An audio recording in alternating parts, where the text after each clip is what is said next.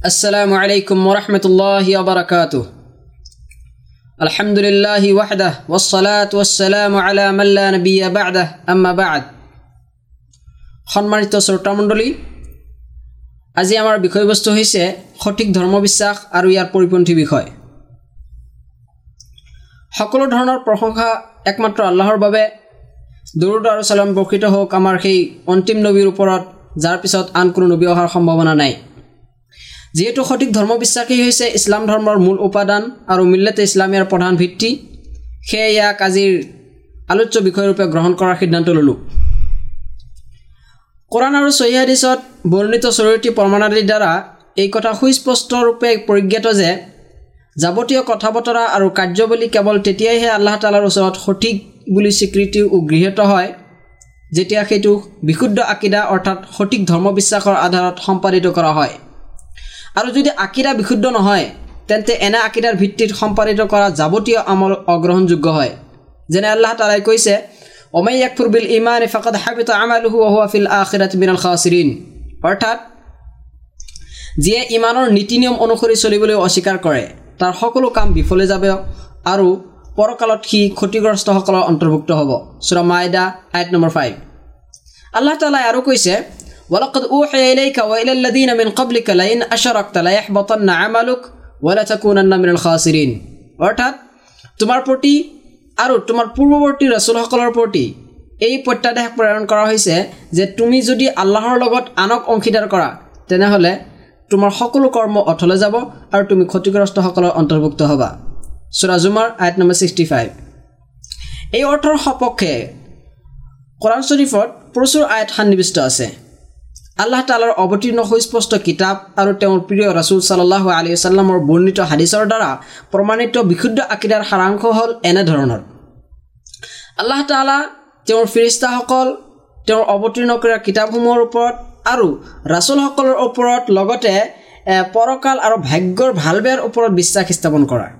এই ছয়টা বিষয়ে হৈছে সেই সঠিক ধৰ্মবিশ্বাসৰ মৌলিক বিষয়বস্তু বা নীতিমালা যিবোৰ লৈ অৱতীৰ্ণ হ'ল আল্লাহৰ মহান গ্ৰন্থ আল আৰু প্ৰেৰিত হৈছে আল্লাহৰ প্ৰিয় দূত নবী মোহাম্মদ চাল্লাহ আলি চাল্লাম এই মৌখিক নীতিমালাৰ এই শাখা প্ৰশাখা হ'ল অদৃশ্য বিষয়াদি আৰু আল্লাহ আৰু তেওঁৰ ৰাচুলে দিয়া যাৱতীয় সংবাদ যিবোৰৰ প্ৰতি বিশ্বাস স্থাপন কৰা প্ৰত্যেকৰে বাবে অপৰিহাৰ্য।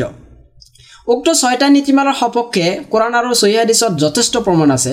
তাৰে মাজত আল্লাহ তালাৰ নিম্নোক্ত বাণীসমূহ অন্যতম যেনে আল্লাহ তালাই কৈছে লাইছাল বিৰ আন্তুআল্লু উজুহাকুম কেবেল আল মাশ্ৰিক ৱাল মাগৰিব ৱালাকিন্নাল বিৰ মান আমৰা বিল্লাহি ৱাল্লাউমিল আখিৰ ৱাল মালাইকাতি ৱাল কিতাবি ৱান নবিয়িন অৰ্থাৎ তোমালোকৰ পূব বা পশ্চিম পিনে মুখ কৰাটোৱে পুণ্যৰ কাম নহয় বৰং প্ৰকৃত পুণ্যৱান তেওঁহে যিজনে আল্লাহ শেষ বিচাৰৰ দিন ফিৰিষ্টাসকল অৱতীৰ্ণ হোৱা পুথিসমূহ আৰু নবীসকলৰ প্ৰতি নিষ্ঠা আৰু আন্তৰিকতাৰে ইমান আনে।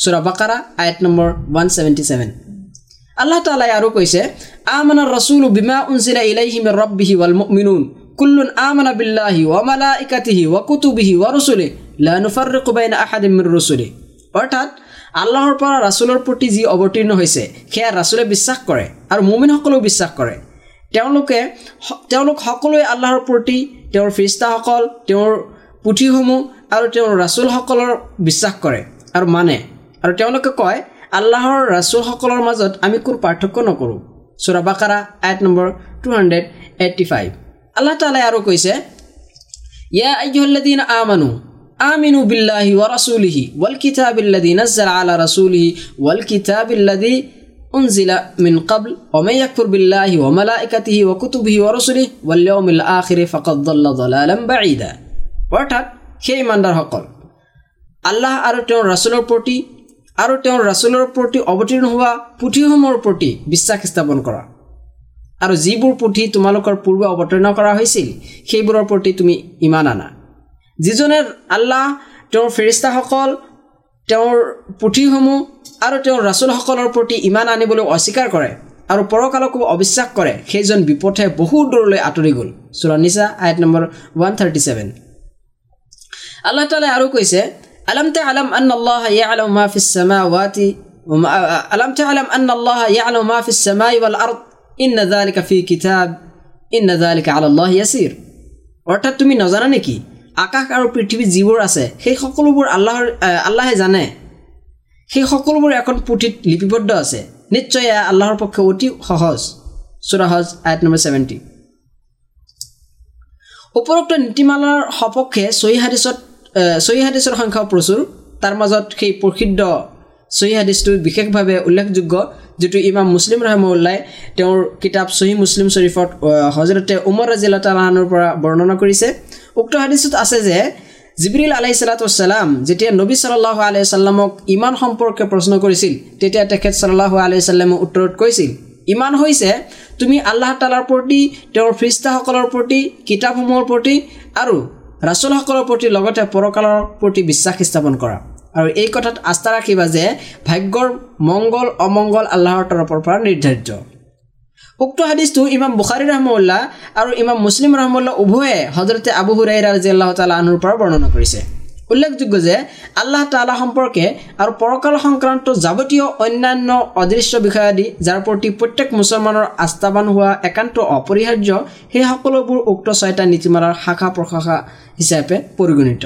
আহক আমি এতিয়া আলোচনা কৰিম সেই নীতিমালা সম্পৰ্কে। প্ৰথম নীতিমালা হৈছে আল্লাহৰ প্ৰতি ইমান। আল্লাহৰ প্ৰতি ইমান আনৰ অৰ্থ হ'ল যে এই কথাৰ ওপৰত বিশ্বাস স্থাপন কৰা যে তেওঁই ইবাদতৰ একমাত্ৰ যোগ্য। তেওঁৰ বাহিৰে আন কোনো সত্য উপাস্য নাই। কিয়নো একমাত্ৰ তেওঁই বান্দাসকলৰ স্ৰষ্টা।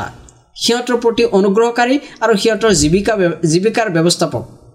আৰু তেওঁই সিহঁতৰ প্ৰকাশ্য অপ্ৰকাশ্য যাৱতীয় বিষয় সম্পৰ্কে পূৰ্ণ অভিহিত।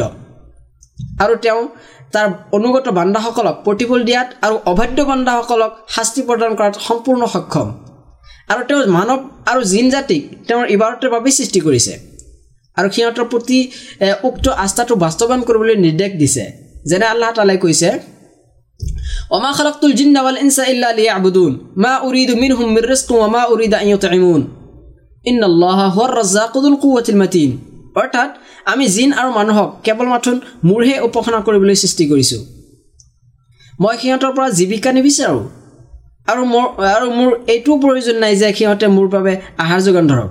চুৰা জাৰিয়াত eight number fifty six fifty seven Allah তালাই আৰু কৈছে ইয়া আইয়ুন্নাস উবুদু রাব্বাকুম আল্লাযী খালাকাকুম ওয়াল্লাযীনা মিন ক্বাবলিকুম লাআল্লাকুম তাত্তাকুন الذي جعل لكم الأرض فراشا والسماء بناء وأنزل من السماء ماء فأخرج به من الثمرات رزقا لكم فلا تجعلوا لله أندادا وأنتم تعلمون অৰ্থাৎ সেই মানৱ জাতি তোমালোকে তোমালোকৰ প্ৰভুৰ উপাসনা কৰা যিজনে তোমালোকক আৰু তোমালোকৰ পূৰ্বৱৰ্তী সকলো মানুহকেই সৃষ্টি কৰিছে যাতে তোমালোকে ৰক্ষা পাব পাৰা। তেওঁৱে তোমালোকৰ বাবে পৃথিৱীখনক সজ্জা কৰি দিছে আকাশখনক ছাল কৰি দিছে আৰু তাৰ পৰা পানী বৰষাইছে আৰু সেই পানীৰে নানাবিধ ফল ফল মূল উৎপাদন কৰিছে। তোমালোকৰ বাবে খাদ্যৰ যোগান ধৰিছে। এই কথাবিলাক যিহেতু তোমালোকে নিশ্চিতভাৱে জানা গতিকে তোমালোকে আন কাকো আল্লাহৰ সমকক্ষ বুলি মানি নল'বা। চুৰা বাকাৰা eight number twenty one twenty two এই সত্যক স্পষ্ট কৰি দাঙি দিয়াৰ বাবে আৰু ইয়াৰ প্ৰতি আহ্বান কৰি ইয়াৰ পৰিপন্থী বিষয়ৰ পৰা সতৰ্ক কৰাৰ উদ্দেশ্যে আল্লাহ তালাই যুগে যুগে বহু নবী আৰু ৰাচুল প্ৰেৰণ কৰিছে আৰু কিতাপসমূহ অৱতীৰ্ণ কৰিছে। যেনে আল্লাহ তালাই কৈছে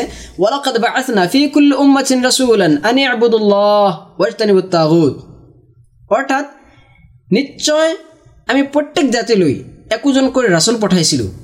আৰু তেওঁলোকৰ জৰিয়তে আমি সকলোকে সতৰ্ক কৰি দিছিলোঁ যে আল্লাহৰ উপাসনা কৰা আৰু তাগতক পৰিহাৰ কৰা চুৰনাহাল eight number thirty seven thirty thirty six Allah তালা আৰু কৈছে وما أرسلنا من قبلك من رسول إلا نوحي إليه أنه لا إله إلا أنا فاعبدون অৰ্থাৎ তোমাৰ পূৰ্বে আমি যিসকল ৰাচুল পঠাইছিলোঁ তেওঁলোককো একে প্ৰত্যাশ দি প্ৰত্যাদেশ দিছিলোঁ যে মোৰ বিনে আন কোনো সত্য উপাস্য নাই সেয়ে তোমালোকে মোৰেই উপাসনা কৰা চুৰা আম্বিয়া আইট নম্বৰ টুৱেণ্টি ফাইভ আল্লাহ তালা আৰু কৈছে কিতাবুন উহকিমাত আয়াতুহু সুম্মা ফুছিলাত মিল্লাদুন হাকিমিন খাবীৰ আল্লাহ তাবুদু ইল্লাল্লাহ ইন্নানি লাকুম মিনহু নাজিৰুম ৱাবাছিৰ অৰ্থাৎ এয়া ঐশী প্ৰত্যাদেশ ইয়াৰ বাণীসমূহ দৃঢ় প্ৰতিষ্ঠিত আৰু বিস্তাৰিতভাৱে বিবৃত।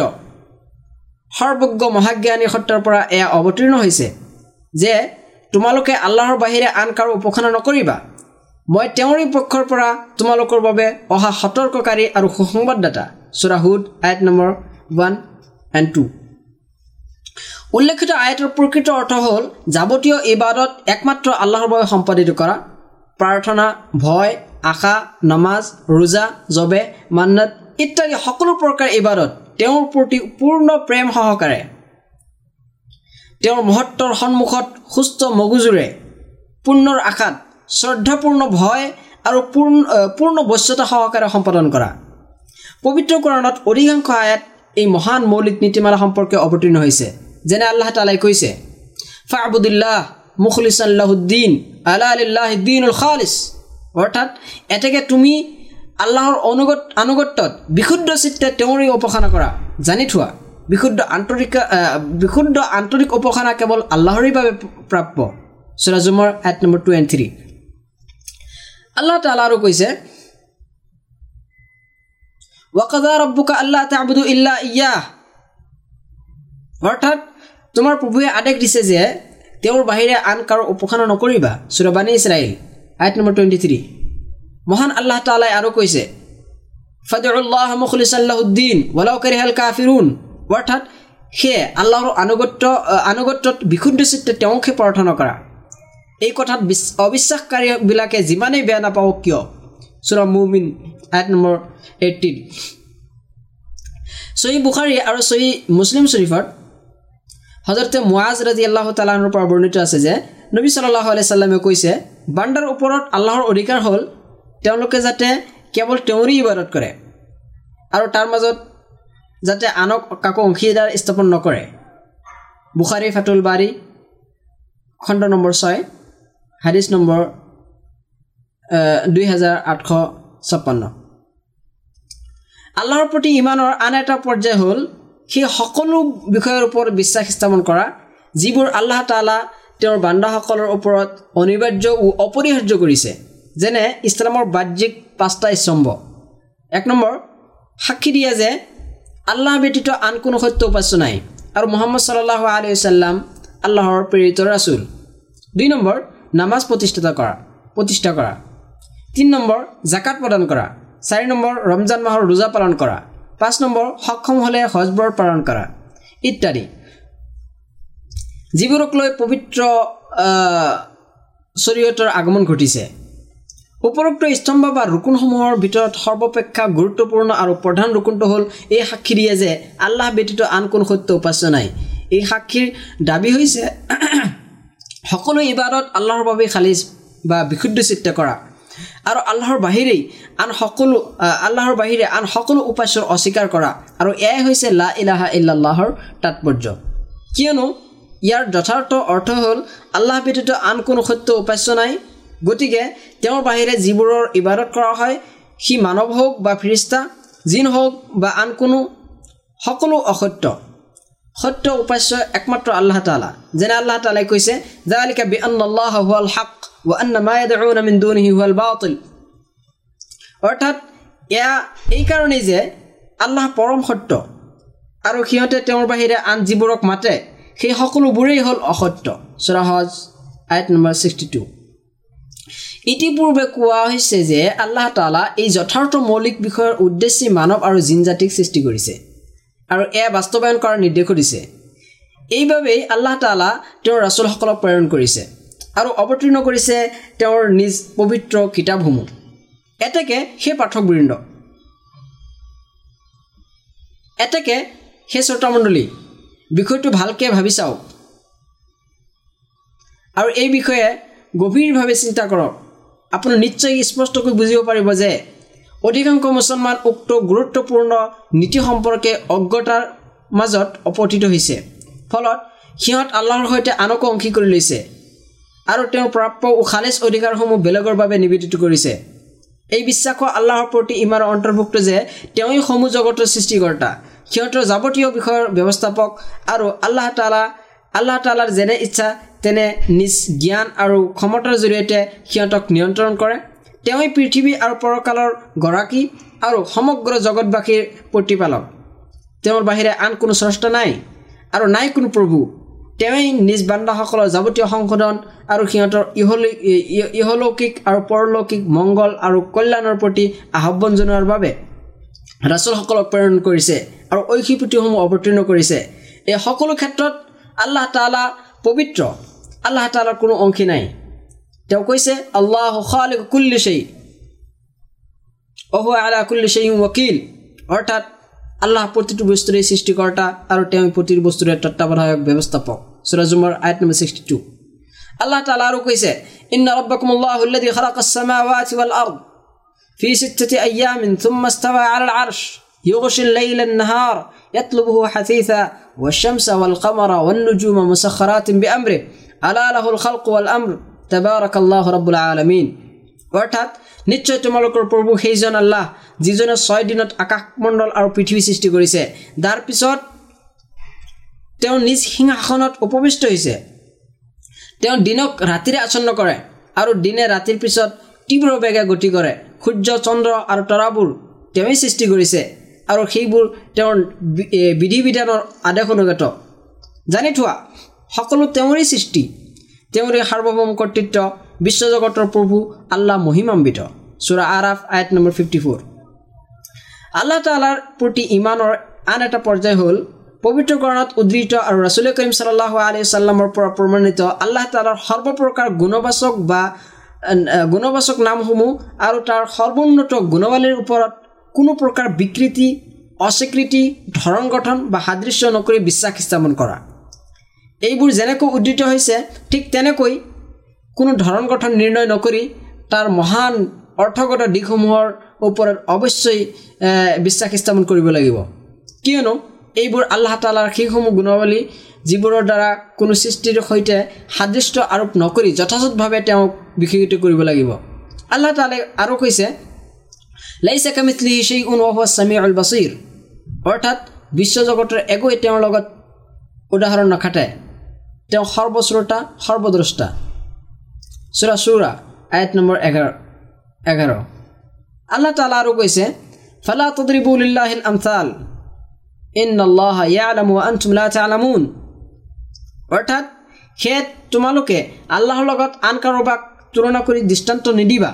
নিশ্চয় আল্লাহ তালা জানে আৰু তোমালোকে নাজানা। চুৰা নহল আয়ত নম্বৰ ছেভেণ্টি ফ'ৰ। ইয়া হ'ল ৰসুল্লাহ চাল্লাহ আলাইস্লামৰ চাহাবীসকল আৰু তেওঁৰ নিষ্ঠাবান অনুসাৰী আহিলে চুন্নাত উল জামাতৰ আকিদা বা ধৰ্ম বিশ্বাস ইমাম আবুল হাছান আল আশাৰী ৰেহমুল্লাহ তেওঁৰ কিতাপ আল মকালাত আন আসহাবিল হাদিছ ৱাহিলি চুন্না নামক গ্ৰন্থত এই আকিদাৰ কথাই উদ্ধৃত কৰিছে। ইমাম আউজাই ৰহমুল্লাই কৈছে ইমাম জুহুৰী আৰু ইমাম মকুল ৰেহমুল্লাক আল্লাহ তালাৰ গুণাৱলী সম্পৰ্কিত আয়াতসমূহৰ বিষয়ে সোধাত তেওঁলোকে কয় এইবোৰ যেনেকৈ আহিছে ঠিক তেনেকৈ মানি লোৱা। ৱালিদ বিন মুছলিম ৰহমুল্লাই কৈছে ইমাম মালিক আউজাই লাইজ বিন চাহাদ আৰু চুফিয়ান চাউৰিক আল্লাহৰ গুণাৱলী সম্পৰ্কিত হাদিছসমূহৰ বিষয়ে প্ৰশ্ন কৰাত তেওঁলোকে সকলোৱে কয় এইবোৰ যেনেকৈ বৰ্ণিত হৈছে ঠিক তেনেকৈ কোন ধৰণ গঠন নিৰ্ণয় নকৰি মানি লোৱা। ইমাম আউজাই নিজে কয় যে মই আৰু বিপুল সংখ্যক তাবিনসকলে এই কথাৰ ওপৰত আস্থা ৰাখোঁ যে আল্লাহ তালা তেওঁৰ সিংহাসনত বিৰাজমান লগতে আমি হাদিছত বৰ্ণিত তেওঁৰ সকলো গুণাৱলীৰ ওপৰত বিশ্বাস কৰোঁ। ইমাম মালিক ৰহমুল্লাক ইমাম মালিক ৰহমুল্লাৰ শিক্ষক ৰাবিয়া বিন আব্দুৰ ৰহমানক আল ইস্তিৱা সম্পৰ্কে অৰ্থাৎ আল্লাহ তেওঁৰ সিংহাসনত বিৰাজমান এই সম্পৰ্কে প্ৰশ্ন কৰাত তেওঁ কয় যে আল্লাহ তালা তেওঁৰ সিংহাসনত বিৰাজমান হোৱাটো নজনা কথা নহয় কিন্তু ইয়াৰ বাস্তৱ ধৰণটো আমাৰ বোধগম্য নহয়। ৰিচালত আহে আল্লাহৰ তৰফৰ পৰা আৰু ৰাচুলসকলৰ দায়িত্ব হ'ল স্পষ্টভাৱে ঘোষণা কৰা। আৰু আমাৰ কৰ্তব্য হ'ল ইয়াৰ প্ৰতি বিশ্বাস স্থাপন কৰা। ইমান মালিক ৰহমুল্লাহ আল ইস্তাৱা সম্পৰ্কে কৈছে আল ইস্তাৱা মালুমুন ৱাল কাইফ মজহুৰুন ৱাল ইমান বিহি ৱাজিব ৱাচৱাল আন সুবিধা অৰ্থাৎ আল্লাহ তালা যে সমাসীন ইয়াৰ পৰিজ্ঞাত। কিন্তু ইয়াৰ বাস্তৱ ধৰণ অজ্ঞাত। ইয়াৰ ওপৰত বিশ্বাস স্থাপন কৰা একান্ত অপৰিহাৰ্য। আৰু এই সম্পৰ্কে প্ৰশ্ন কৰা বিধান তাৰপিছত তেওঁক তেওঁ প্ৰশ্নকাৰীক সম্বোধন কৰি কয় মোৰ দৃষ্টিত তুমি এজন বেয়া মানুহ। এই বুলি তাক বৈঠকৰ পৰা বহিষ্কাৰ কৰাৰ নিৰ্দেশ দিয়ে। উমুল মুমিনীৰ হজৰতে উমে চালমা ৰাজি আল্লাহ তালা আনহাৰ আনহাৰ পৰা এই একেই অৰ্থৰ হাদিছ বৰ্ণিত আছে যে ইমাম আব্দুৰ ৰহমান আব্দুল্লাহ বিন মুবাৰক ৰহমুল্লাই কৈছে আমি জানো আমাৰ প্ৰভু পবিত্ৰ। তেওঁ নিজ সৃষ্টিৰ পৰা আঁতৰত আকাশৰ ওপৰত নিজ সিংহাসনৰ ওপৰত বিৰাজমান হৈ আছে। উপৰোক্ত বিষয়ত ইমামসকলৰ প্ৰচুৰ উক্তি পোৱা যায়। এই সংক্ষিপ্ত আলোচনাত ইয়াৰ বৰ্ণনা দিয়াটো সম্ভৱ নহয়। যদি কোনোবাই সবিশেষ জানিব বিচাৰে তেন্তে ওলামে আহিলে চুন্নাত ৱাল জামাতে লিখা উক্ত বিষয়ৰ ওপৰত বিভিন্ন গ্ৰন্থৱলী পৰ্যালোচনা কৰিব পাৰে।